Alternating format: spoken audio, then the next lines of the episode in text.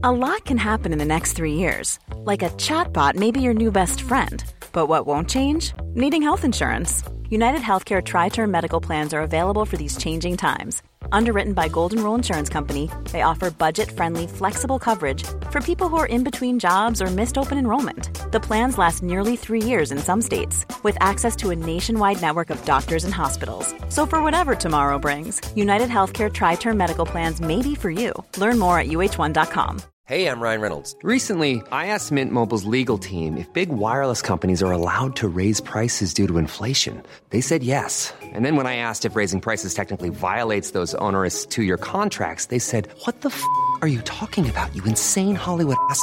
F- So to recap, we're cutting the price of Mint Unlimited from $30 a month to just $15 a month. Give it a try at mintmobile.com slash switch. $45 upfront for three months plus taxes and fees. Promo for new customers for limited time. Unlimited more than 40 gigabytes per month. Slows. Full terms at mintmobile.com. Hey, it's Ryan Reynolds, and I'm here with Keith, co star of my upcoming film, If, only in theaters, May 17th. Do you want to tell people the big news? All right, I'll do it. Sign up now and you'll get unlimited for $15 a month and six months of Paramount Plus Essential Plan on us. Mintmobile.com slash switch. Upfront payment of $45 equivalent to $15 per month. Unlimited over 40 gigabytes per month. Face lower speeds. Videos at 480p. Active Mint customers by 531.24 get six months of Paramount Plus Essential Plan. Auto renews after six months. Offer ends May 31st, 2024. Separate Paramount Plus registration required. Terms and conditions apply if rated PG. Tilbake gjengen til chit-chat med Helle. Jeg vet du har savnet meg.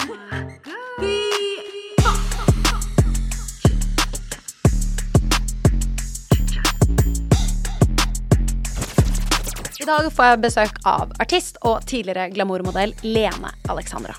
Du kjenner kanskje Lene igjen fra hitsanger som My Boobs Are OK og Sexy Nari Bitchy Me. Og vi skal jo selvfølgelig snakke mye mer om musikkarrieren til Lene. Men jeg ønsker også å høre mer om tenårene hennes og barndommen hennes. Jeg vet jo at Lene ble utsatt for et, eh, en veldig traumatisk eh, hendelse uh, når hun bare var tolv år gammel. Hun ble utsatt for et overgrep på en fest, og jeg vet også at dette påvirket eh, tenårene hennes og var selvfølgelig utrolig vanskelig for henne.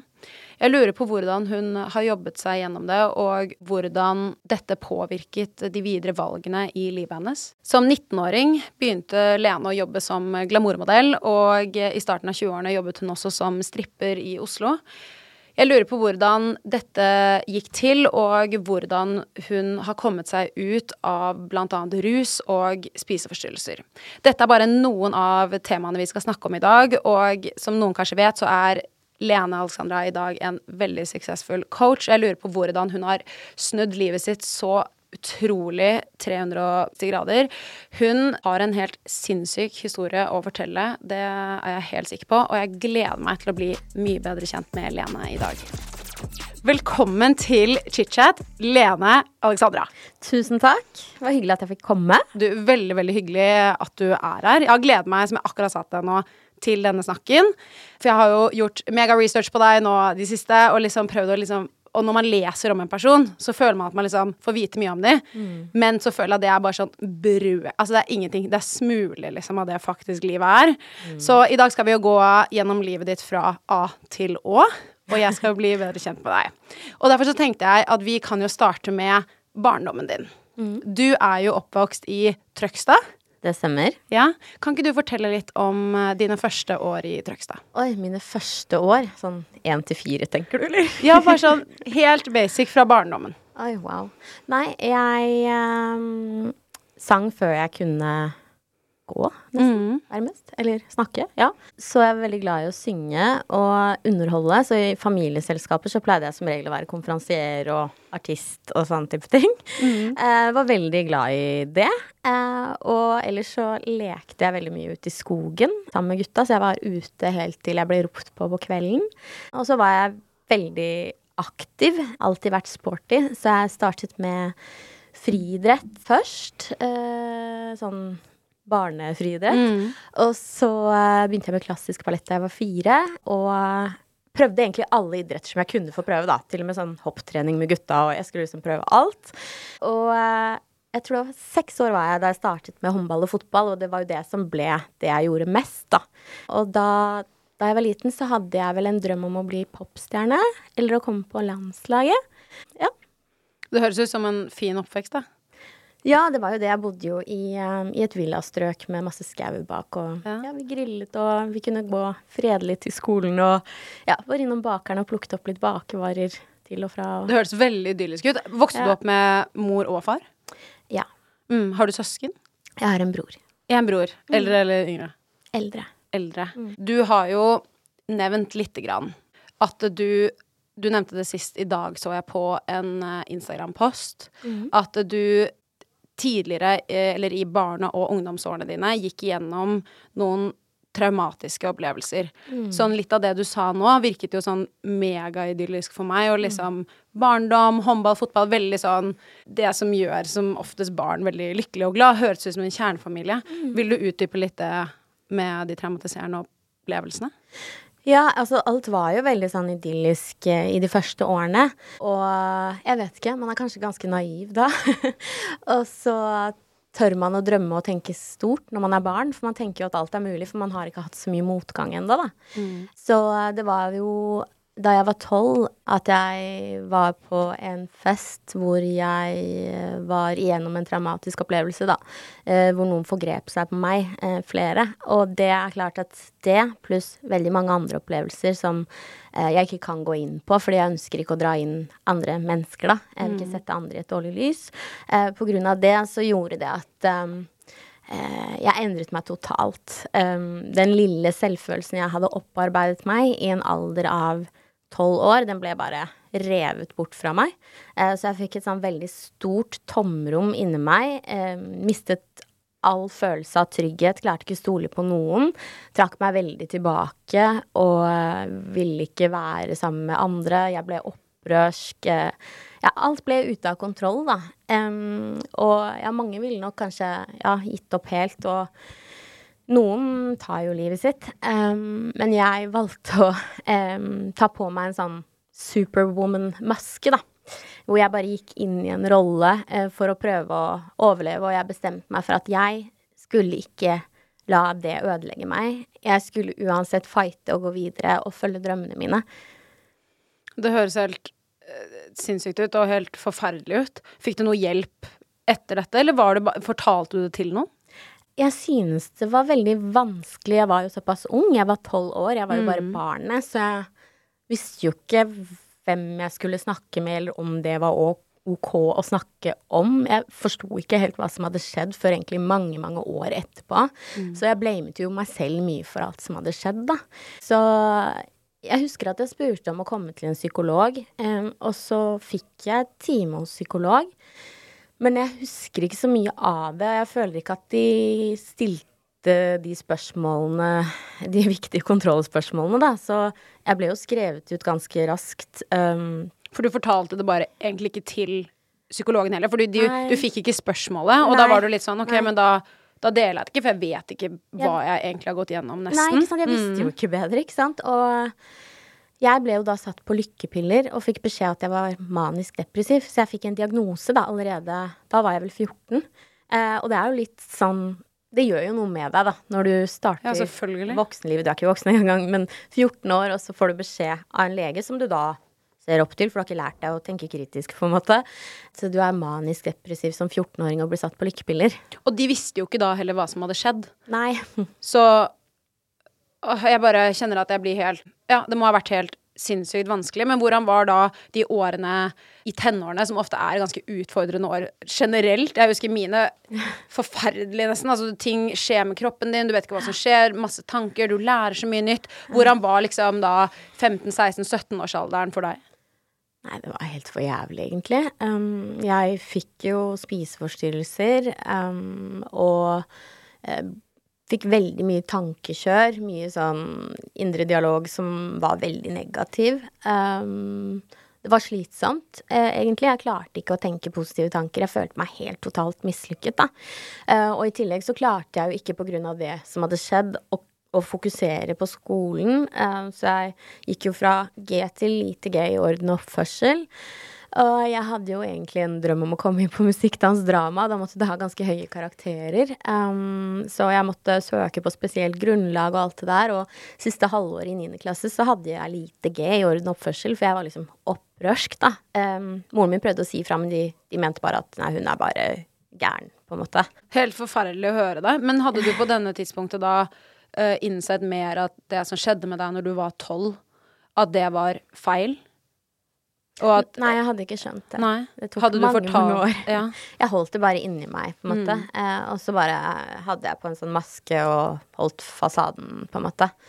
Så jeg slapp jo ingen inn. Altså, jeg ble jo veldig sånn distansert og ja, klarte ikke stole på noen. Klarte du å gjennomføre skolen? Eh, jeg klarte det, men jeg Først så kom jeg jo inn på musikkdansdrama, men jeg var jo så ødelagt psykisk at jeg klarte ikke å fullføre første året.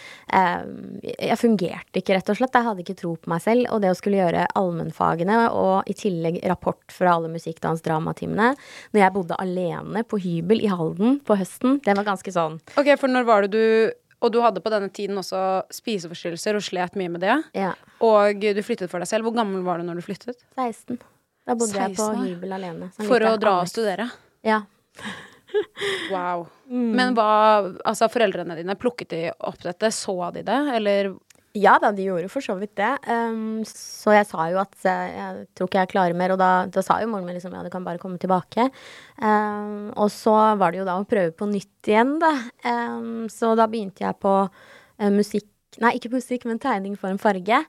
Uh, men jeg klarte jo ikke å fullføre alle fagene, for det var så mye tankekjør inni det hodet mitt, og jeg var utagerende, jeg var ute på fest, og det var liksom Jeg klarte ikke å sitte i ro da jeg var så rastløs. Um, så jeg avsluttet allmennfagene og gjorde bare ferdig tegningfagene.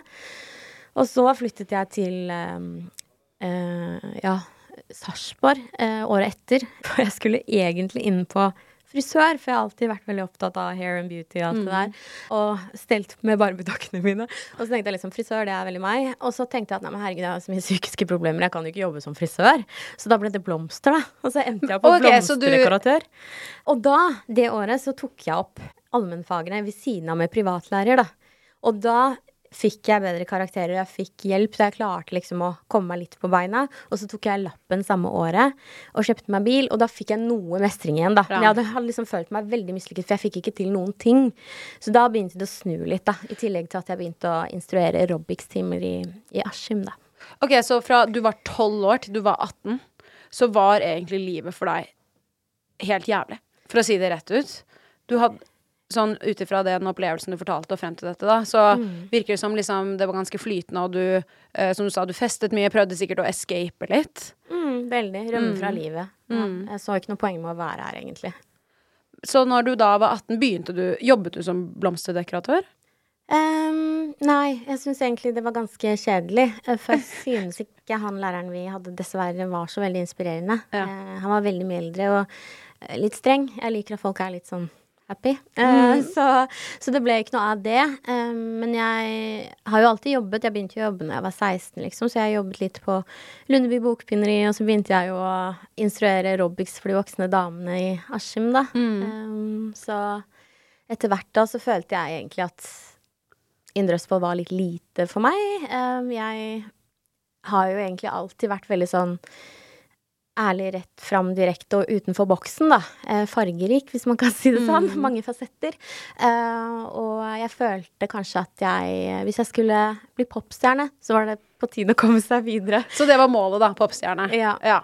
Fordi når du, når du var 19 år så du hadde jo da åpenbart fokus på sang hele tiden, og vi skal jo komme tilbake til sangkarrieren din.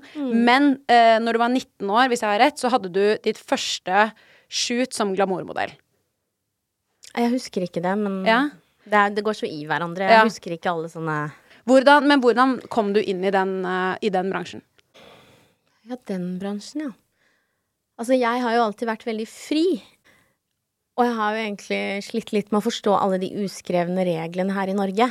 Um, så jeg har alltid hatt et ganske avslappet forhold til kropp og nakenhet. Jeg har jo solgt meg string siden jeg var ti, liksom, på badestranda i Norge og utlandet. Og det har vært veldig enkelt for meg sånn sett, da. Selv om jeg har hatt spiseforstyrrelse, faktisk. Så jeg vet ikke helt hvordan jeg havnet der, men jeg tror jeg havnet i en musikkvideoinnspilling, egentlig. Og så møtte jeg Christer Falk på tungtvanninnspilling fordi jeg sa at eh, jeg var keen på å få platekontrakt, da. Jeg hadde jo fått med meg at han var programleder for Robinson, og så at han drev et plateselskap. Og han sa jo ikke ja med en gang, men han sa det at ja, hvis du blir med på Robinson-ekspedisjonen, så kan jo kanskje det gjøre at du får et kjent navn, og så kan du jo senere kanskje få en mulighet til å få platekontrakt, da. Ok, Så det var sånn du kom inn i den bransjen? Fordi du, du jobbet jo en, en stund som glamourmodell eh, før det. Du opererte jo også inn silikon i puppene når du var 18 år. Ja, jeg hadde egentlig spart opp første gang jeg jobbet på Lundeby Bokbegynner da jeg var 16. Ja. Da ville ikke mamma skrive under. Og det er kanskje greit. Så hadde jeg spart opp andre gangen jeg var 19. Eh, Jobba som bare F på det bokbegynneriet, kan du si. Ja, ja, for å få de ja, ja, Sparte opp eh, ganske mange tusen eh, for å legge meg under kniven, og det gjorde jeg da jeg var 19 i Askim, da. Så de var allerede montert før jeg dro til byen. ja. Ja. Fordi du tok jo Fordi, fordi etter det som skjedde da jeg var tolv, så ble jo eh, Ja. hodet mitt litt sånn skrudd eh, i forskjellige retninger. Um, og eh, jeg var veldig inspirert av Baywatch. du husker sikkert da Pamela Andersen kom sånn løpende bortover Ja, ja, stranda ja, og ja, liksom i saktefilm. Altså, hvem husker ikke det? så ikonisk. Jeg hadde jo Sofie Elise her også, Ja. og vi snakket jo om det fordi både Sofie og jeg vi elsker jo Pamela. Altså, hun var jo det hotteste. Mm. Hun var jo Alle, det. Hvem var det som ikke ville se som Og, Pamela? og alle, alle vi tenkte kanskje sånn Å, herregud, bare bli som henne. Liksom, hun er virkelig altså, menns drøm. Og før i tiden så tenkte jeg kanskje litt mer sånn Viktig at menn liker meg, liksom. Nå i dag er jo det noe helt annet jeg er jo mer opptatt av å være sexy for meg selv, ikke menn. Men mm. da man var yngre, da, så kanskje tenkte man litt annerledes. Ja, men jeg tenkte helt likt. Ja, altså, ja, ja absolutt. Og, og, jeg tok jo selv eh, silikon på den alderen. Ja. Så, så, jeg føler at jeg kan relatere helt med deg på den uh, greia der. Altså. Men altså, sånn med tanke, på, um, med tanke på at jeg har gjort akkurat det samme, nesten i akkurat samme alder Hvorfor mm. valgte du, for du tok jo 600 gram i hver pupp. Det er jo 1,2 kilo til sammen, som er ganske heavy. Hvorfor mm. valgte du å gjøre såpass mye? Det var jo da sikkert på grunn av Pambla og de trendene mm. som var på 90 80-tallet? Ja, det var jo eh, Jeg flyttet til byen og bodde i bokollektiv eh, med seks-sju gutter som røyket hasj. Og eh, jeg hadde mitt eget rom der. Det var veldig rotete, husker jeg. Uff. Og eh, på den tiden så, så, var jeg litt sånn lei av livet. Jeg bare liksom Hvorfor er jeg her? Hva gjør jeg? Mm. Jeg, hadde liksom, jeg hadde jo en drøm, men noen ganger så mister man jo troen på drømmen. Men det er jo det som har holdt meg gående. Så på den tiden så jobbet jeg faktisk med striptease i Oslo. Eh, og da var det jo sånn miljø hvor det var veldig vanlig, og det var veldig sånn kroppsfiksert. Så det var jo definitivt ikke et godt miljø for meg å være i. Men jeg synes av en eller annen grunn at det var spennende, og jeg følte at det var noe jeg var god på, da. Så eh, alle de rundt meg opererte større, og da tenkte jeg sånn ja, men jeg må jo operere større, jeg også. Ja. For jeg hadde ikke den kritiske tankegangen. Jeg var for ung. Altså, jeg var 19 år. Eh, fremre delen av hjernen utvikler seg jo ikke fullstendig før du er kanskje 25. Og så i tillegg så har jeg jo nå i senere tid funnet ut at jeg har ADHD.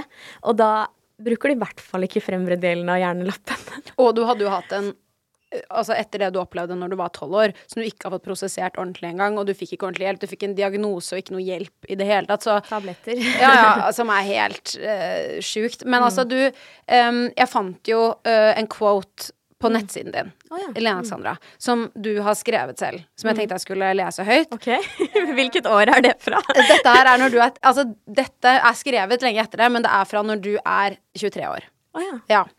Og dette er jo da året før um, jeg tror du ble med i eh, Robinson. Okay. Hvor du da jobbet i Oslo uh, som stripper og slet eh, med rus. Og du skriver Jeg sto opp om morgenen og tok meg noen linjer amfetamin før jeg dro på strippeklubben. Jeg følte meg tjukk, og i perioder spiste jeg nesten ingenting, for så å overspise og bli liggende i fosterstilling på sofaen kvalm med dårlig samvittighet. Jeg gikk to timer cardio hver dag ved å gå til treningsstudio, hvor jeg trente en time styrke. Alt jeg brydde meg om, var utseendet, og det var derfor jeg valgte å starte å strippe. Jeg bodde i Oslo, husleien var dyr, og det var dyrt å se bra ut. Jeg så ingen mening med livet og skulle ønske jeg var død. Mm, ja. ja, sånn var det da. Altså, det jo Bortsett fra at jeg begynte kanskje ikke å strippe fordi jeg var opptatt av bare utseendet. Nei, men det Ja.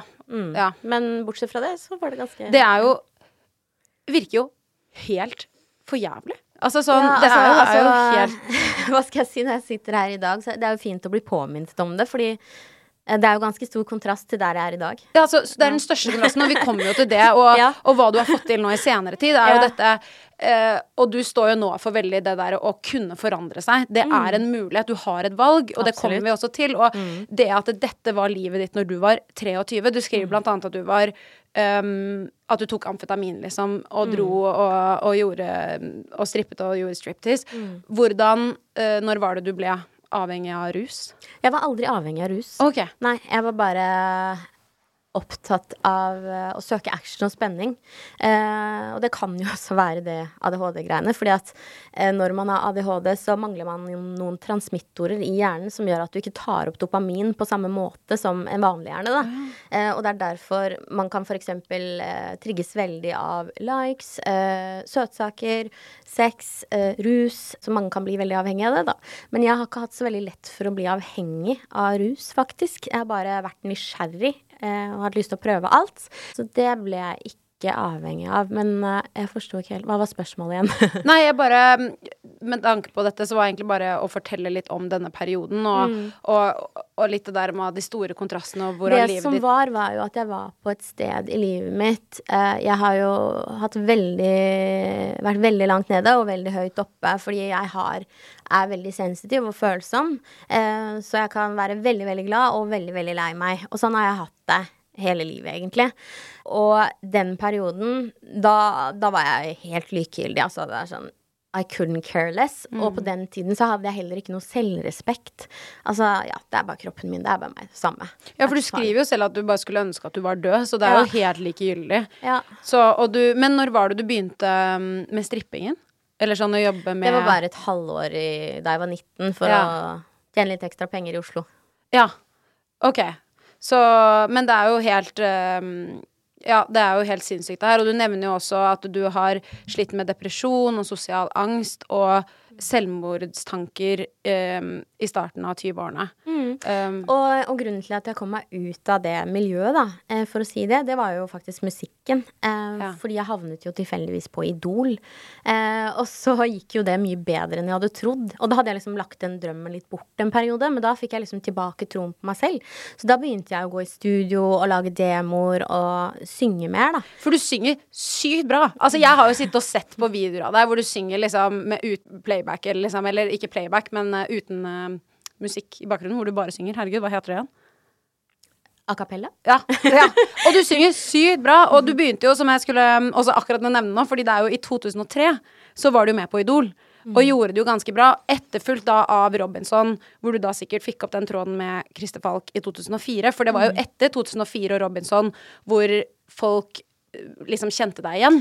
Ja, ikke sant. Um, Hvordan forandret Robinson livet ditt? For det første så prøvde jo Christer å overtale meg til å være med på Robinson. Jeg syns jo egentlig det var ganske teit. Reality, liksom. Ja. Eh, men så argumenterte han jo for at jeg kunne få et kjent navn, og da senere kanskje få muligheten om å få en platekontrakt, da. Og det var jo det som var målet mitt. Så da tenkte jeg at ok, ja, men jeg kan prøve det her. Eh, jeg var jo ikke klar over at jeg kom til å bli castet som liksom årets babe, men det var jo det jeg ble. Du ble jo det! Altså, ultimate baben på Robinson. Ja, ja, ja. Herregud. Men uh, det var litt morsomt. Det er litt pussig akkurat det. For akkurat uh, for et par dager siden så hadde jeg en ny kunde som kom inn til meg. Voksen mann. Uh, veldig kul for øvrig. Som liksom remindet meg litt om det vi snakker om nå. da Den jeg var da, og den jeg er nå. Fordi han, han også synes det er en helt syk forandring. Fordi jeg, jeg hadde jo ikke selvinnsikt den gangen. Og jeg var jo bare meg selv. Så, men når jeg så det TV-programmet, så tenkte jeg sånn Oi, eh, tror jeg har et lite attitude-problem. så det, det gjorde det med meg, da. At jeg tenkte sånn Hm, jeg burde kanskje gjøre noen endringer her. Ja, fordi dette her var jo back i 2004, og reality var jo ikke en utbredt ting på den, den tiden. Nei. Og det, du, altså, du dro jo bare inn der da, som deg selv, visste jo ikke hva du forventet, ble satt på en øy med masse andre folk, og som du sier, du var jo Norges Pamela Andersen. Ja, men det, det ble jo et mål, det også, en Ja. gang. Så da check, fikk jeg gjort det også. Men i hvert fall så var det sånn at eh, jeg er veldig glad for at jeg gjorde det, fordi eh, det programmet eh, Det gjorde jo at jeg innså at jeg var mye tøffere enn jeg trodde. Fordi jeg spilte jo håndball og fotball og var jo en veldig sånn tøff, sporty jente da jeg var yngre, ikke sant. Før det traumatiske skjedde da jeg var tolv. Eh, så da ble jeg jo påminnet om hvem jeg egentlig var. Så det var jo veldig fint, da. Og da fikk jeg jo litt mer sånn selvtillit. Fordi etter det så forandret jo livet ditt seg ganske Gjorde ikke mye med. Du fikk jo mye mer fokus på musikken. Um, og uh, når du kom ut også av Robinson, så fikk du jo liksom folk som var i media, og du ble jo god venn med Aylar, blant annet. Uh, og så var det jo den episoden i 2004 med Robbie Williams, som også var bare headlines overalt. Mm. Um, og dette var jo da en episode som i all hovedsak handler om at du og Aylar sa at dere hadde ligget med Robbie Williams. Jeg sa aldri det. Nei, du sa ikke det. Og det viste jo seg etterkant at det var et um, Eller at det ikke hadde skjedd, mm. eller var et PR-stunt eller noe sånt. Ja. Vil du fortelle din side av det nå? Eller A ja, til jeg har jo fortalt det ja. før, for så vidt. Ja. Um, jeg var jo veldig sånn Jeg vet ikke, jeg hadde ganske lav impulskontroll. Uh, var veldig sånn lett påvirkelig, uh, kan du si. Veldig pliktoppfyllende, ville please alle andre rundt meg. Og uh, da var det Christer som var min manager. Og man blir jo liksom de man omgås. Det var jo ikke hans påfunn, det der. Men eh, jeg vet ikke. Jeg tror bare at jeg hadde blitt liksom påvirket av media og den verden jeg levde i. Og så havnet vi jo bare i en sånn type situasjon. Jeg har ikke lyst til å si så mye om hvem som bestemte hva, eller hvordan mm, det ble. Ja. Det var eh, veldig, veldig ubehagelig eh, da det skjedde. Fordi at jeg følte hele veien at det her er ikke så bra. eh, så det var veldig ubehagelig i magen. Mm. Eh, og så husker jeg at jeg lå på sofaen hjemme hos eh, Christer, da. For jeg var så flau.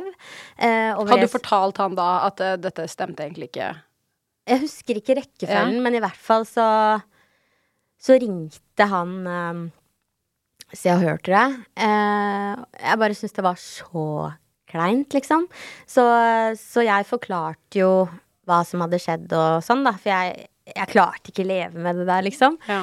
Eh, så eh, Og så kom jo Robbie og sa på, på God kveld Norge at det var bare tull og sånn. Eh, så det ble jo Ja, det ble jo oppslag i, i England og ja, alt mulig. Ja, The Sun. Det var, det var på, på ja, ja. Eh, så det var jo ganske drøyt. Så det er jo helt syke, syke Eller sykt hvor mye oppmerksomhet det fikk, da. Eh, og jeg tenkte jo ikke konsekvenser den gangen. Jeg levde bare i nuet og tok ting som det kom. Eh. Men var Christer Falk Det visste jeg ikke, at han var manageren din på, på den tiden. Når var det han ble det? Jeg husker ikke datoen, Nei. men ja, jeg hang mye sammen med han, for jeg hjalp jo til i plateselskapet med artisten hans og kjørte de intervjuer og litt sånn forskjellig. Uh, så det var uh, ja. Sprøtt å tenke så langt tilbake. Det er liksom mm. nesten 20 år siden. Ja, var, på denne tiden her så var det jo du 24 år. Mm. Så det er jo Ja. Man tenker jo litt annerledes da, når man er 24. Um, så det som jeg synes var kult da, er kanskje ikke like kult nå, på en måte. Mm. Um, ja. Men det har jo også formet deg mye til den du er i dag, og liksom at man kan se tilbake og faktisk reflektere over OK, det gjorde jeg, og så ønsker man å gjøre noe annet senere i livet. For du har jo mm. oppnådd helt sjukt mye kult. ja, jeg har jo, ja. har jo, tatt sjanser. Eh, mm. og sprengt grenser og vært uredd. Eh, og jeg gidder ikke å bruke så veldig mye tid på å angre på alt jeg har gjort, for jeg har jo hatt det mye gøy. Eh, det har jo vært helt Du har gjort sykt mye gøy. Eh, og det er sånn Ja, det er kanskje villere enn det folk egentlig vet, men jeg, jeg tror ikke jeg gidder å skrive en bok med alle detaljene. Men jeg kommer i hvert fall til å ha mye å snakke om på gamlehjemmet, eh, kan du si. Det tror jeg på. Ja. Det tror jeg på. Fordi i 2007 så slo du jo igjennom med det er jo første gangen jeg ordentlig ordentlig hørte om deg, med sangen 'My Boobs Are OK'. Og den lå på femteplass på VG-lista Topp 20. Mm. Denne sangen ble også en megahit i Finland, Danmark, Sverige og Nederland. Altså, den ble jo en skandinavisk landeplage. Mm. Hvordan var den opplevelsen å faktisk slå igjennom skikkelig som artist, med tanke på at du ønsket å bli popstjerne fra du var såpass ung? Det var, det var veldig gøy. Eh, jeg levde i en liten, liten boble. Eh, jeg hadde jo riktignok eh, måttet tilpasse meg mye for å få lov til å bli artist, da. Og det var jo den muligheten jeg fikk. Fordi jeg har jo alltid sunget, så jeg hadde kanskje sett for meg å være artist og synge litt mer, da. Men det var jo veldig sånn eh, jeg ble jo oppfordret mye til å spille på sex, og valgte jo også å bli med på det og gikk inn i den rollen, og spilte jo den rollen 100% helt ut. Eh, så jeg la jo litt opp til det selv også. Eh, men jeg hadde det gøy en periode. Eh, og opptrådde jo på VG-lista Topp 20, turnerte i Norge og utlandet. Var jo på talkshow i eh, Holland som Beyoncé, Shakira, Pink har vært før Som meg. er og sånn. sjukt store Ja, greier. Ja, ja, så det var jo helt rått. Eh, men så kom jeg da til et punkt hvor jeg følte at jeg ble litt herset med. Altså hadde jeg begynt å få litt mer tro på meg selv og tenkte at herregud, ja, men jeg kan, kan gjøre mer. Jeg, kan, jeg er mer enn bare det her.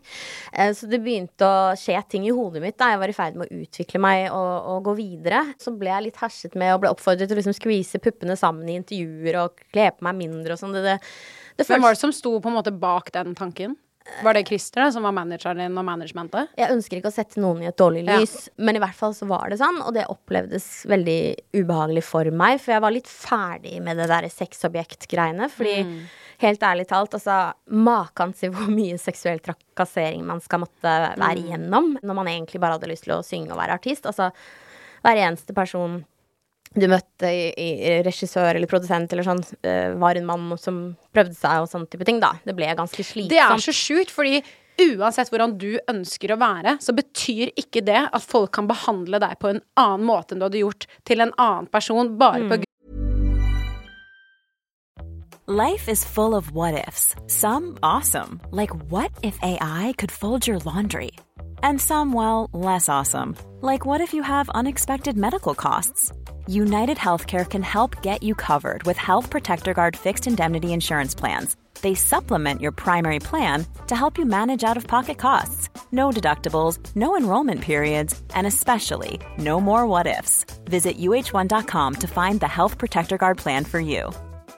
Quality sleep is essential. That's why the Sleep Number Smart Bed is designed for your ever evolving sleep needs. Need a bed that's firmer or softer on either side? Helps you sleep at a comfortable temperature? Sleep Number Smart Beds let you individualize your comfort so you sleep better together. JD Power ranks Sleep Number number 1 in customer satisfaction with mattresses purchased in-store. And now, save 50% on the Sleep Number limited edition Smart Bed for a limited time. For JD Power 2023 award information, visit jdpower.com/awards. Only at a Sleep Number store or sleepnumber.com. Many of us have those stubborn pounds that seem impossible to lose, no matter how good we eat or how hard we work out. My solution is PlushCare. PlushCare is a leading telehealth provider with doctors who are there for you day and night to partner with you in your weight loss journey. They can prescribe FDA-approved weight loss medications like Wagovi and Zepbound for those who qualify. Plus, they accept most insurance plans. To get started, visit plushcare.com slash weight loss. That's plushcare.com slash weight loss. Hvordan du ser ut. Jeg syns det er Nei. det ekleste Ja, det i hele verden. Helt for jævlig. Ja. Uh, så da begynte jeg liksom å Kanskje jeg ikke har lyst til å gjøre det her mer. Eh, jeg husker jeg satt i, eh, i sengen, i en hotellseng i Holland, og spiste en hamburger etter jeg hadde vært på turné rundt omkring der. Og jeg bare tenkte sånn Er det det her som er popstjernelivet? og da tenkte jeg bare sånn Ok, nå har jeg fått oppleve dette, og jeg er veldig takknemlig for det. Det har vært utrolig kult å få lov til å være med på VG-lista Topp 20 og alt det der. Og er ok med at jeg svelget i kamelen og eh, gjorde alle de tingene for å kunne oppleve det her. Men nå føler jeg at det er på tide å gå litt videre. Ja, fordi i 2008 allerede så valgte du da også å ta ut silikonen din. Var det også da et uh, av grunnene til at du bare ønsket et annet på en måte perspektiv? Sånn image, på en måte? Jeg eh, ble spurt om å delta i Skal vi danse. Ja, fordi det kom jeg til. For ja. du deltok ikke bare. Du vant hele skiten. Ja, uh, det gjorde jeg. Uh, så, så jeg ble spurt om det, og da så var det Jeg har ganske sterk intuisjon. Um, så selv om jeg noen ganger har vært lost og crazy, så kommer det noen ganger sånn Ta-ta, du skal gjøre det her. så da, da sa, sa det til meg på en måte at uh, nå skal du fjerne silikonen, og så skal du bare gå all in i det, da. Jeg tenkte meg jo nøye om, selvfølgelig, fordi da ville jeg på en måte kaste den imagen og karrieren. Så da hadde jeg på en måte Da kunne jeg ikke gå tilbake til det, på en måte. Og vanligvis når man gjør en endring, så er det jo kanskje smart å gjøre det litt mer gradvis. Men jeg eh, valgte å bare ringe kirurg og få det gjort. Og det måtte gjøres på en viss dato for at jeg skulle rekke det. Ja, for det tenker jeg at det å før- Det er jo ganske heavy recovery-prosess. Mye mer heavy, tror jeg, eh, eller enn det folk tror. For, som oftest, fordi det er jo en ganske Nå vet ikke jeg hvordan det er å ta det ut, da. Nei, jeg syns ikke det var så ille, ja, da. Var det verre enn å ta det Fordi det å ta det inn, det var Nei, det var verre. helvete, Det er altså. ganske lett å ta det ut, altså. Hun Ja, dro ok. det ut med tang, og så bare teipet igjen, og så så det ut som to sånne slitte, gamle ja, ballonger uten luft, liksom. Fresht. Det er veldig mange som spør meg om akkurat det, faktisk. Er det som det? tar kontakt og sier liksom jeg skal fjerne silikonen, hvordan blir det, og liksom sånn. Jeg har jo trent opp mine med benkpress, så men, Ja, fordi du er jo nå en uh, treningsmaskin, så jeg kan jo se for meg at du, du er veldig flott da, uten at jeg skal gå inn på det. Men uh, er det mange som sender deg sånne meldinger? Sånn, Ja, ja, med er- tanke på liksom silikon og ting ja, og ja, ja, det er en av de spørsmålene jeg får oftest. Um, nei, så i hvert fall så, eh, så bestemte jeg meg for det, da. Jeg, jeg følte jo litt sånn dårlig samvittighet, da, overfor de som hadde vært med å bygge opp karrieren min og alt det der, og bare liksom hoppa av. Men så, samtidig så følte jeg at det var en lettelse å bare fjerne de og liksom sette en strek. Og litt sånn symbolsk. Nå fjerner jeg disse 1,2 kilo silikonpuppene som jeg faktisk føler er det eneste jeg har av verdi. Jeg hadde så lav selvfølelse allerede, eller fortsatt da, da. Så hvis jeg fjerner de, da vil ikke de jobbe med meg mer. Så da slipper jeg på en måte være sånn runkeobjekt eller sexobjekt mer. Eh, så da kan jeg gå videre i livet, da. Eh, og jeg visste ikke helt hvor jeg skulle gå, altså. Men jeg bare følte at nå er det nok. det var tid for en forandring. Men er det ikke sykt at du da tenkte på sånn derre Å nei, stakkars de som på en måte har bygget opp karrieren min. Dette er ditt liv. Mm. Du som kvinne. Du har gjort en helt psyko karriere, og Mm. du blir spurt om å være med på Skal vi danse. Du åpenbart har et stort navn. Og Mm. så tenker du da på disse menneskene som står i kulissen, som det da liksom er så synd på. Mm. Ja. Er ikke det liksom sykt? Hvordan tankegangen på en måte Hvordan det nå Både ja og nei, da. Jeg Ja. er jo takknemlig for det de gjorde for meg. Altså, det er jeg jo den dag i dag. Um, så de var jo med å bygge opp navnet mitt, og jeg hadde jo kanskje ikke fått de mulighetene jeg har i dag hvis ikke det hadde vært for dem, da. Eh, så jeg velger jo å se, se det også. Um, det er, det, vi var jo et team, ikke sant. Jeg var i front og spilte den rollen, og de dro i spakene bak. Uh, men jeg følte på et tidspunkt at uh, Jeg vet ikke. Selvrespekten min begynte å opparbeide seg, og jeg var keen på å bli respektert. Og jeg følte at da måtte jeg starte med meg selv. Uh, jeg måtte begynne fra scratch. Jeg måtte jobbe med meg selv fra innsiden. Og da var det beste å bare fjerne de silikonpuppene, så noen kunne se meg som menneske. Og helt ærlig, jeg visste ikke selv om jeg hadde noe mer å by på. Men jeg tenkte sånn, hvis jeg går all in i Skal vi danse, blir jævlig god på å danse, får gode karakterer fra dommerne, så kanskje noen stemmer på meg. Og så bare vant du hele dritten. Ja, jeg Følte du at eh, du fikk eh, At folk eh, var annerledes mot deg når du da valgte å ta de ut og vant Skal vi danse? Følte du at du fikk en annet image etter det, eller var du på en måte det samme som før? Um, Jeg vet ikke helt. Um, jeg følte det skjedde en endring, men jeg kan vel ikke helt sette fingeren på det. Ehm, ja, det var kanskje ikke like mange som så meg midt imellom brøda lenger. Eh, fikk kanskje litt øyekontakt med det motsatte kjønn, um, så det var jo hyggelig. Ehm, men uh, ja, nei, livet gikk jo en litt annen retning, da. Det gjorde det jo. Um, og jeg, ja, jeg gjorde jo ikke annet enn å danse. Jeg trente sånn fire til åtte timer hver dag og Jeg hørte at det hardkjøret er helt vilt. Sånn Ja. treningsregime for å være med på Skal vi danse, at det er liksom Det er det som er bare livet ditt når du Ja. er med på det. Ja, og så eh, fikk vi jo bare servert eh, godis og nøtter, da. Eh, Og det er sånn derre um, Å, TV-mat. ja, det er Det er så kjipt! ja, det er typisk det. Ja. Nei, så, eh, så jeg var ganske utslitt og hadde lyst til å gi opp på slutten der og grein og var helt eh, Ja. Det er som å være toppidrettsutøver, og jeg mener du skal prestere på live TV hver eneste uke. Så- Og folk dømmer deg ikke bare på dansen, det er hvordan du ser ut, hvordan du snakker, hvordan du liksom er hele pakken, og du må liksom være på topp av A-gamet ditt. Jeg skjønner jo at folk nå i ettertid, og etter du var med, folk har jo gitt seg. Bare Sofie Elise ga seg, Anniken Jørgensen ga seg. Altså det er mange som har gitt seg midt i sesongene, for de bare sier 'jeg orker ikke'. Nei, og det er jo tøffe jenter, da. Mm, veldig. Så, Absolutt. Så jeg er jo veldig glad for at jeg hadde en sånn idrettsbakgrunn. Det er jo veldig mange som tror at jeg begynte med trening etter Skal vi danse, men jeg har jo holdt på med trening hele livet og har alltid vært en treningsjente. Ja. Nei, det, og du trener jo og har jo fått til masse kult der som jeg kommer tilbake til. Men eh, i 2008, etter Du skal vi danse, så ga du jo også ut albumet eh, Silicon Valley. Ja, det var i 2008. 2008 var det mest hektiske året mitt. Ja, fordi du har gjort helt sjukt mye i 2008. Altså, jeg leste på det i 2008, så tenkte jeg bare Jesus Christ, den dama har fått til så mye. Hvem skal vi danse? Var med i Melodi Grand Prix, også med sangen Silicon Valley. Ga ut album hvor du også har hitsangen Sexy Nari Bitchy Me, som er min favorittsang. Altså, altså den sangen. Og den har over tre millioner avspillinger på Spotify. Den er jo blitt en megahit. Det er jo den største, eller mest avspilte sangen du har. Og den sangen, for de som hører på, gå inn og hør på den sangen, fordi den er så god stemning, den sangen. Og det morsomme er at min utenlandske manager sa at ja, men det er jo som en biografi på deg, Lene. Og jeg bare Det er ikke meg, det, altså. det er bare en rolle! Og han trodde jeg var sånn. Men er ikke det lættis? Hvordan det er sånn når folk er med på reality og alle sånne type ting, at de er sånn, man tror at de er det, så er det sånn ja, men det er jo en, en rolle de spiller, eller når man synger, så betyr det ikke at det er deg direkte. Det er jo på en måte en, en performance, noe du gjør for en karriere. Ja, jeg husker selv da jeg skulle gi den sånn sexy nå til bitchen me. Ja, ja, ja, men vi kjører på, da. Men den sangen er Altså, I love that song. Altså, den er så sassy. Ja. Herregud.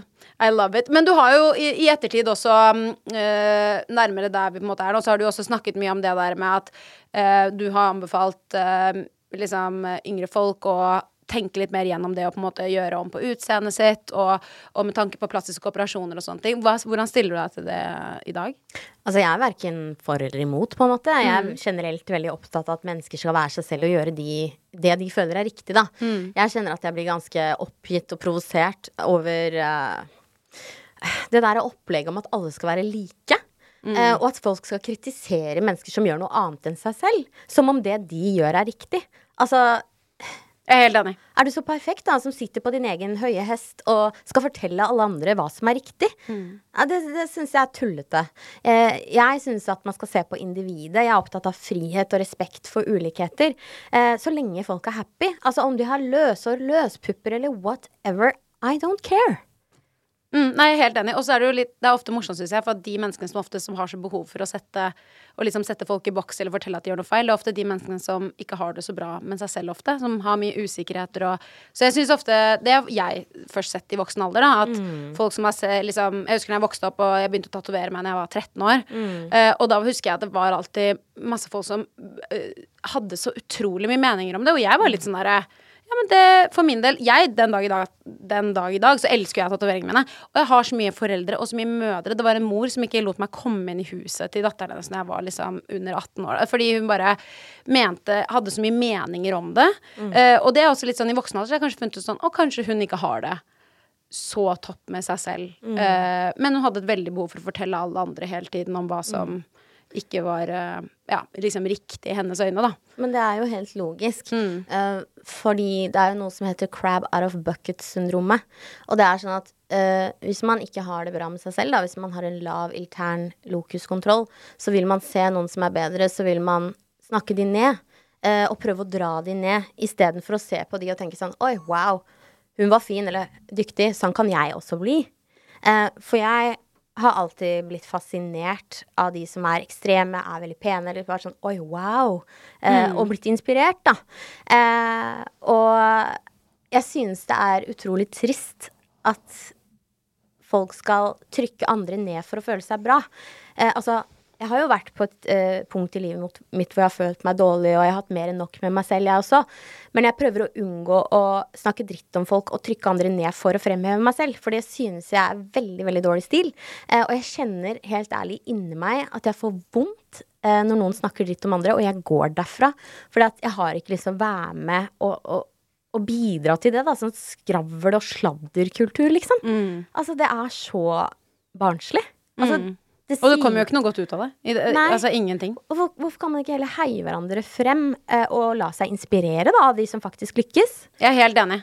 Altså Hvis det er noen du ser også, Man kan jo noen ganger kjenne, hvert fall kan jeg kjenne på det, at det er sånn, ser noe, så er sånn, å, begynner å sammenligne seg selv, eller å være sånn Åh, jeg skulle ønske at det var meg. Men istedenfor å rakke ned på det, heller jobb mot det. Bruk det som en inspirasjonskilde til å nå et nærmere steg, eller se hva de har gjort i Altså mm, se på rutinene deres, hvordan de har klart å få det til. Og det er jo som oftest veldig positive mennesker som er veldig profesjonelle. Kommer til tide, er høflige mot andre. Altså Det er jo sånn du faktisk kommer deg opp og frem i verden. Absolutt. Ja. Absolutt. Herregud. Eh, sånn typisk er jo at eh, noen som selv ikke klarer å ha kontinuitet i trening, kritiserer andre for at de er så ekstreme. Ja. Men hvis du heller hadde brukt energien, da, å prøve å trene og jobbe med at du kanskje ikke følte deg vel, så hadde du kanskje blitt mer fornøyd fordi at du hadde trent så du fikk mer indre og ytre balanse og styrke, da. Mm. Og dette her er jo det du jobber med basically i dag, fordi Mm. du er jo en helt vill dame og har gått fra å være um, glamourmodell og liksom med det derre sexifiserte uh, som du nevnte også tidligere, til å bli en livsstilsentreprenør. Uh, og i dag er du Si hvis dette er feil. DNCF, sertifisert coach. Du er personlig trener, du er mentaltrener, du er kostholdsveileder, forfatter på to bøker som også har vært på bestselgerlisten, i tillegg til foredragsholder. Du har også flere pallplasseringer i Norge og LA fra fitnessutøver, som fitnessutøver, og i styrkeløft. Altså Amazing. Altså, bare sånn hvordan uh, du har snudd livet ditt på hodet, er veldig inspirerende, syns jeg. Fordi det virkelig setter det i lyset at det, hvis du er et sted i livet så det, går, det er alltid en mulighet for forandring. Fordi jeg kan føle, og har følt i hvert fall når jeg var yngre, sånn Det er ingen vei ut. Sånn jeg hadde eh, min første depresjon da jeg var 13 år, og jeg liksom følte at det Det var ingen vei. Altså sånn og det var så vondt. Og, og jeg tenker at hvis jeg da hadde kanskje hatt et idol som deg, da, der, sett opp til deg nå, så kunne det vært veldig hjelpende for meg mm. på den alderen. Så jeg tenker at det er en helt uh, fantastisk uh, omstilling, og der du er i dag, og ja, nei, jeg vil bare virkelig si at det, det er veldig inspirerende. Men var det en lang periode, eller?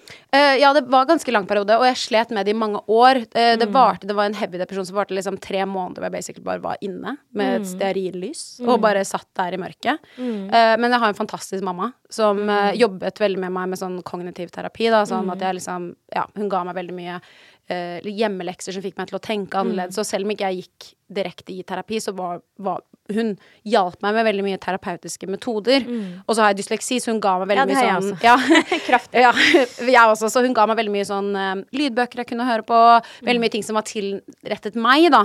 Så hun, hun er den beste personen jeg vet om i hele verden som eh, hjalp Ja. meg eh, gjennom det. Så Altså. dette med depresjoner, det er jo veldig vanlig. Eh, og det er jo noe de fleste kommer til å kjenne på i løpet av livet. Uh, for for eksempel hvis du jobber veldig, veldig hardt over lang tid, så blir du jo sliten fysisk, og så etter hvert går du over det mentale, og så kan du risikere å bli deprimert, da. Eh, så selv Det er fortsatt kanskje litt tabu i dag, og mange som ikke snakker om det, men det er jo nesten like vanlig som en forkjølelse, tenker jeg, da.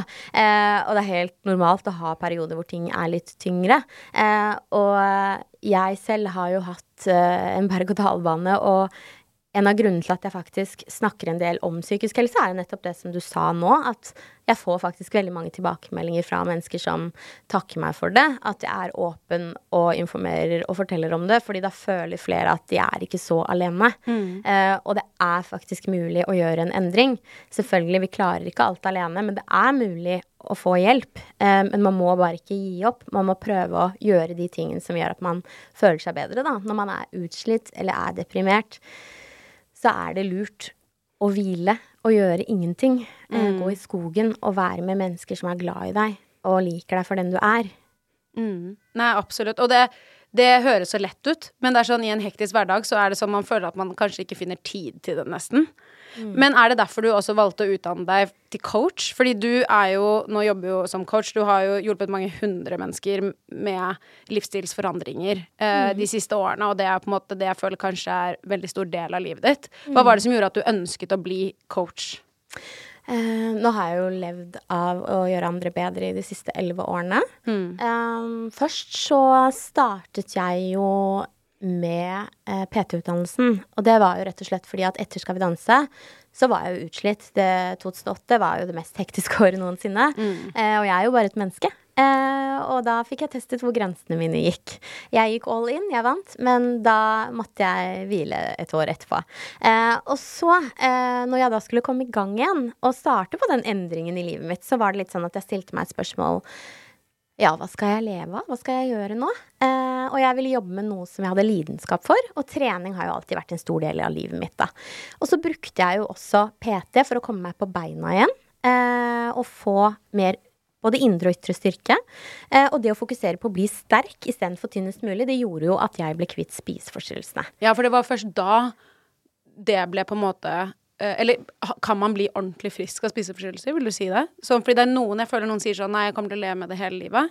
Mens andre på en måte Det er kanskje ikke noe fasit på det når jeg sier det høyt nå, hører jeg. Jeg føler, føler meg frisk. Ja. Altså, jeg spiser mer enn mannfolk burde spise, og har et laidback forhold til det. Jeg Mm. spiser hamburger og drikker vin og gjør liksom det jeg føler for, da. Men jeg har jo kontroll på det, liksom. Mm. Ja. Lever jo stort sett sunt, da, men det er jo også fordi at jeg har ulcerøs kolitt, så jeg må liksom ta litt hensyn. Hva er det for noe? Tarmbetennelse. Å ja. Mm. Hva kalte du det? Ulcerøs kolitt. Å. Nei, så eh, long story short. Men eh, jeg bestemte meg i hvert fall for at eh, jeg skulle bli personlig trener, for hun som var PT-ansvarlig, så potensial i meg og tenkte at det kan du bli god på. Og jeg bare Tror du seriøst det?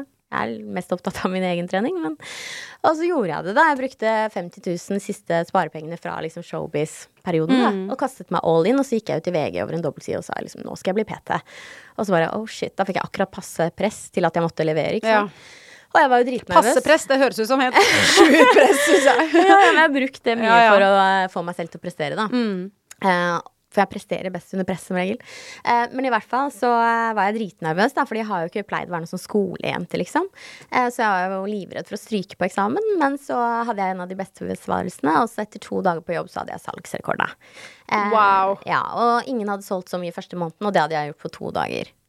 Herregud. Ja. Det må ha vært den største Med tanke på liksom at du nevnte tidligere når du var yngre at du liksom slet med selvbilde og sånne type ting. Det her må jo bare vært sånn den største boosten ever. Sånn med tanke på at du begynte å tro på deg selv ordentlig. For at dette her er jo når du liksom I 2011 var jo når du tok PT-utdannelsen din. Etter det må det jo bare vært en uphill, eller mm. stemmer det? Ja, det har definitivt gått riktig vei Ja. siden da. Um, så det var, det var et tøft valg å hoppe av det, den popstjernedrømmen og gå videre i livet når jeg ikke visste hva jeg skulle til. Definitivt. Men det føltes riktig i magefølelsen min, da. Uh, og um, Du ga jo også ut boken Bra nok i 2012, som er også da året etter, som gikk på bestselgerlisten. Altså, kan du fortelle i små trekk hva Bra nok handler om? Sånn, det sier kanskje seg selv litt i uh, hva boken heter, men uh, fortell om det i korte drag. Eh, jeg tenker at jeg kommer dit. Eh, jeg ville bare si at um, da jeg hadde blitt PT og, og fått, eller slått salgsrekord, da, så måtte jeg jo skape resultater også. Eh, så jeg var jo litt redd for å ikke prestere, og liksom sånn Å, hun dumme blondinen får ikke til noen ting, ikke sant. Så jeg hadde jo hele tiden den derre kniven på strupen. Av meg selv, da, selvfølgelig. Eh, for jeg hadde ikke startet med det at det er jo jeg som respekterer meg selv først. Og det var det jeg begynte å jobbe med da. Jeg må respektere meg selv først og fremst. Og så var det jo å gjøre en god jobb.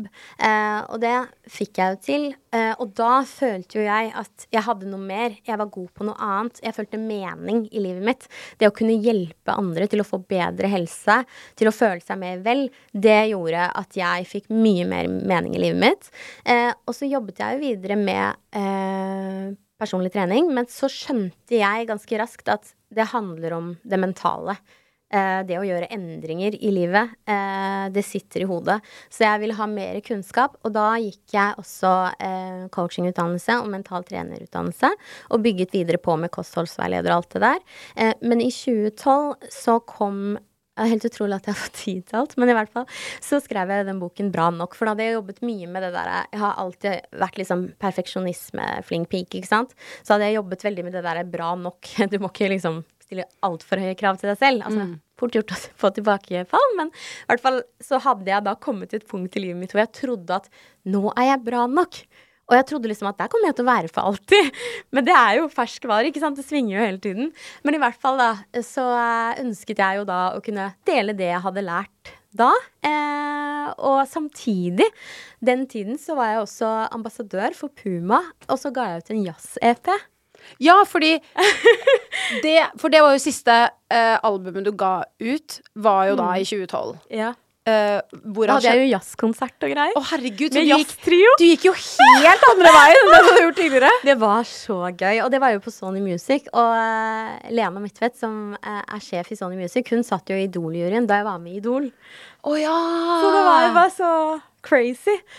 Så det, da følte jeg meg utrolig heldig da, som fikk lov til å oppleve det. Ja, men det skjønner jeg jo, med tanke på at Og så var jeg jo med på Beat for beat. Å, herregud, så du bare alt Men herregud, det er jo helt sinnssykt, fordi alt ender med å bare gå jo inn igjen sammen. Fordi alt henger jo sammen her med kontakter fra tidligere, hva du ønsket. Og så lenge du var på en måte på riktig sted og hadde riktig mindset, så bare kom alt annet. Og bare plusse seg på. Mm. Nei, så da i 2012, da jeg også gikk mental trenersertifisering, så var det veldig mange som snakket om å coache ledere. Og så husker jeg at hm, coache ledere, hva er det som er så spesielt med det? Så jeg ble nysgjerrig, da. Så jeg gikk ut på Twitter og så skrev jeg sånn Jeg søker mannlige, gladtjukke toppledere som jeg kan coache. Og så fikk jeg mange forskjellige eh, mailer da, fra menn i 40- til 60-årsalderen som jeg begynte å trene. Fordi jeg hadde jo sluttet på Sats, for jeg fikk liksom ikke noe ekstra der. Mm. Så jeg jobbet bare der et halvt år, så begynte jeg å jobbe for meg selv. Eh, og da begynte jeg å coache ledere, da. Mannfolk. Og det var utrolig gøy, for da fikk jeg litt mer utfordring. Og kjente at jeg utviklet meg videre, da. Eh, så siden det har jeg egentlig jeg har jobbet mye med det å coache mennesker og bidra til andres prestasjoner, da. Enten det er liksom trening, jobb, eller generelt det å bli en sterkere utgave av seg selv, da. Så sykt gøy. Det må være så motiverende å se den der forandringen hos eh, folk. Og du blir sikkert kjempegodt kjent med disse menneskene. For man tilbringer jo mye tid sammen, vil jeg bare Absolutt. tro. Ja. Altså, jeg blir jo veldig glad i folk. Eh, men samtidig så er jeg en sånn coach som kommer inn, fikser, og så går de videre, skjønner du. Mm. Eh, jeg har jo hatt noen som jeg coachet i fem år også, men de fleste kommer jeg liksom inn, hjelper de, gjør en endring. Enten vekst, utvikling, endringsprosess, eh, løser et problem, og så går de videre. Eh, jeg jobber ikke så mye med sånn vedlikehold, sånn hobbypsykolog. Mm. Eh, jeg liker å gjøre ekstreme endringer. En start og en slutt, hvor vi jobber konkret mot et mål, da. Ja. Det er utrolig kult. ja, det kan jeg tenke meg. Sånn fra start til slutt. At det må være så stor forskjell på sikkert enkelte personer og Utvikling og Ja. vekst, da. Eh, og derfor også så er det sånn at jeg Jeg tror ikke jeg er rett coach for alle. For som jeg sier, jeg er ikke noe tryllekunstner. Men for noen så er jeg den beste. Eh, så jeg tar alltid en god kartlegging før jeg velger å gå inn i et samarbeid. Fordi det, kjemi er noe av det aller, aller viktigste for at man skal skape de beste resultatene. Og det er viktig at man har riktig innstilling, fordi hvis du ikke har riktig innstilling og har bestemt deg for å gjøre det som skal til, så kommer du ikke til å få de resultatene. Nei. For det er ingen som kan gjøre jobben for deg. Nei. Oh, I wish. Nei da. Ja, du er ikke alene om det, da. Altså, alle leter jo etter den der suksessoppskriften eller den pillen, men saken er jo det at you gotta do what it takes. Men det er så kult, ass. Herregud. Det er eh, helt rått å høre om, eh, om, eh, om livet ditt og hvor du er nå. Men har du noen mål? Sånn, hva, hva tenker du om de neste liksom, fem årene? Oi. Du er på et veldig bra sted nå, vil jeg tro, da, så det vil jo fortsette å bygge på dette. Eller er det liksom noe annet du har i tankene? Altså, når jeg ser tilbake på livet mitt, så ser jeg jo det at eh, Ja, nå fant jeg jo nettopp ut at jeg har ADHD, ikke sant, og det forklarer jo en del. Um, men det har jo vært mye prestasjoner. Jeg er jo en prestasjonsrettet person. eh, resultatorientert med hva det innebærer. Eh, jeg har jo selvfølgelig flere sider, eh, og de spiller seg ut på forskjellige arenaer i livet. Ehm, men nå har jeg jo gått tre år i omfattende terapi. Eh, og så har jeg jo gått studiekompetanse nå, for det var jo noe jeg plutselig fant på at jeg skulle gjøre under korona. Eh, og så eh, føler jeg nå at eh, jeg er nok eh, på mitt mest balanserte sted hittils i livet. Eh, jeg har det veldig fint. Um, jeg føler på mange måter litt at jeg lever et slags dobbeltliv. Et liv på Instagram og et privat. Eh, Jeg har liksom trukket meg litt mer tilbake, men Jeg tror mange kan relatere til det. Ja, Eller sånn at ja. man føler at man lever litt to forskjellige liv på sosiale medier og, og det man er hjemme. Ja, for det er jo, er jo mulig å på en måte Ja. Og jeg setter veldig pris på det også å kunne få lov til å være litt privat og litt Mm. diskré. At ikke alle vet alt hva jeg gjør. How would you like to look five years younger? In a clinical study, people that had volume added with Juvederm Voluma XC in the cheeks perceived themselves as looking five years younger at six months after treatment. Look younger, feel like you. Add volume for lift and contour in the cheeks with Juvederm Voluma XC. Reverse signs of aging by adding volume to smooth laugh lines with Juvederm Volure XC. For important safety information and to find a licensed specialist, visit juvederm.com. That's J U V E D E R M.com. Not for people with severe allergic reactions, allergies to lidocaine, or the proteins used in Juvederm. Common side effects include injection site redness, swelling, pain, tenderness, firmness, lumps, bumps, bruising, discoloration, or itching. There's a risk of unintentional injection into a blood vessel, which can cause vision abnormalities, blindness, stroke, temporary scabs, or scarring. Talk to a licensed specialist to find out if it's right for you. Imagine the softest sheets you've ever felt. Now imagine them getting even softer over time. That's what you'll feel with Bowl and Branch's organic cotton sheets. In a recent customer survey, 96% replied that Bowl and Branch sheets get softer with every wash. Start getting your best night's sleep in these sheets that get softer and softer for years to come. Try their sheets with a 30-night guarantee. Plus, get 15% off your first order at bowlandbranch.com. Code BUTTERY. Exclusions apply. See site for details. Så det blir liksom bare det å holde seg sånn som du gjør nå, privat, og jobbe fortsatt med kundene dine, da. Det blir jo fokuset ditt. Og jobbe mot deres mål og Ja. Ja, nei, fokuset nå er egentlig på å sette av litt tid til å eh, bli bedre på å sosialisere igjen. Fordi jeg har vært så fokusert at jeg har satt det litt til siden. Så jeg fokuserer på å sosialisere og eh, ja, være med venner. Eh, fokusere på gode relasjoner. Og helsen, da, som eh, alltid er liksom grunnmuren. Og så har jeg fått mange forskjellige tilbud og muligheter eh, på ting som jeg kan velge å gjøre. Men jeg skal bruke litt tid nå på å bare leve i nuet, nyte sommeren. Jeg kommer til å ta meg en lang ferie på seks uker. Eh, Deilig. og bare være alene. Og bare Men det høres helt være fantastisk helt ut. fri. Eh, og få lov til å ja, få tilbake kreativiteten igjen. Og jeg har jo begynt å jobbe med litt forskjellige typer prosjekter og sånn. Så ja, jeg har begynt å drømme litt igjen, da. Og det er veldig deilig. Så deilig. Um, så egentlig Jeg husker før så sånn Det kommer jeg aldri til å gjøre, men det har jeg sluttet å si. Fordi at i mitt liv alt kan skje. Alt kan skje. Men sånn Ja. føler jeg det er for de aller fleste. Jeg har bare lært meg å si aldri si aldri.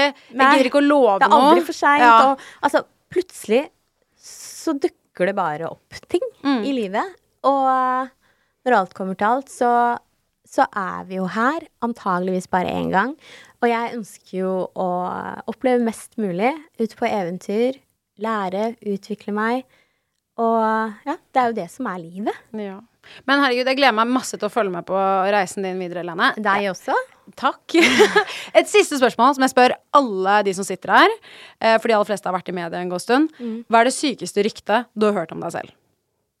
Jeg vet ikke helt om det er så sykt, da, men et veldig vanlig rykte, og som jeg ofte får høre, er jo at mange har ligget med meg eh, som ikke har ligget med meg. Å ja. Ja, det kan jeg tenke meg at folk bare Å, hun digge dama. Bare, de bare slenger det rundt, liksom. Så det er sånn, til og med kom det en det sjukt, voksen dame bort til meg på Fitness Express og bare Du, jeg hørte sånn sånn, har du ligget med han, eller? Um, aldri sett han før? Å, herregud. Det er litt spesielt. Og jeg blir så flau på folk sine vegne. Å, herregud, jeg skjønner ikke at Jeg hadde jo også Hedvig i studio her for et par uker siden, og hun også fortalte at det er sånn folk har funnet masse sånn folk Det var en dude da som hadde sagt at ja. Hedvig hadde ligget med en dude, og han visste det, for han så på det. Han var i rommet, og Hedvig bare 'Dette har aldri skjedd'. Det har aldri opplevd det. Aldri sto Hæ? Hun bare Så det, folk finner på mye sjuke rykter. Ja, det er veldig merkelig det der, og det er jo det positive med å trekke seg litt tilbake også. Ja, det skjønner jeg. Men si meg en ting, jeg har en liten gave til deg. Har du en gave til meg? Ja. Mener du det? Ja. Å, herregud! Sterkere på tolv uker. Å, herregud! Dette er den siste boken din. Ja, Dette her um, Dette fra i fjor. Dette trenger jeg. Trener du mye, eller? Du, jeg, jeg trente mye før. Jeg spilte aktivt håndball i mange år. Ja, du gjorde det du eh, også, ja. ja. Kult. Men eh, etter eh, koronaen Mm. så har jeg blitt en liten slabbedask. Det må jeg bare si. Så dette her var helt nydelig. Tusen, tusen hjertelig takk. Bare Det var skikkelig hyggelig. Du, den gleder jeg meg til å lese, og så ja. Nei, det blir kjempegøy. Men tusen takk, Elen, for at du kom i chit-chat. Det har vært helt fantastisk å snakke med deg. Takk, det samme. Vi snakkes. Det gjør vi.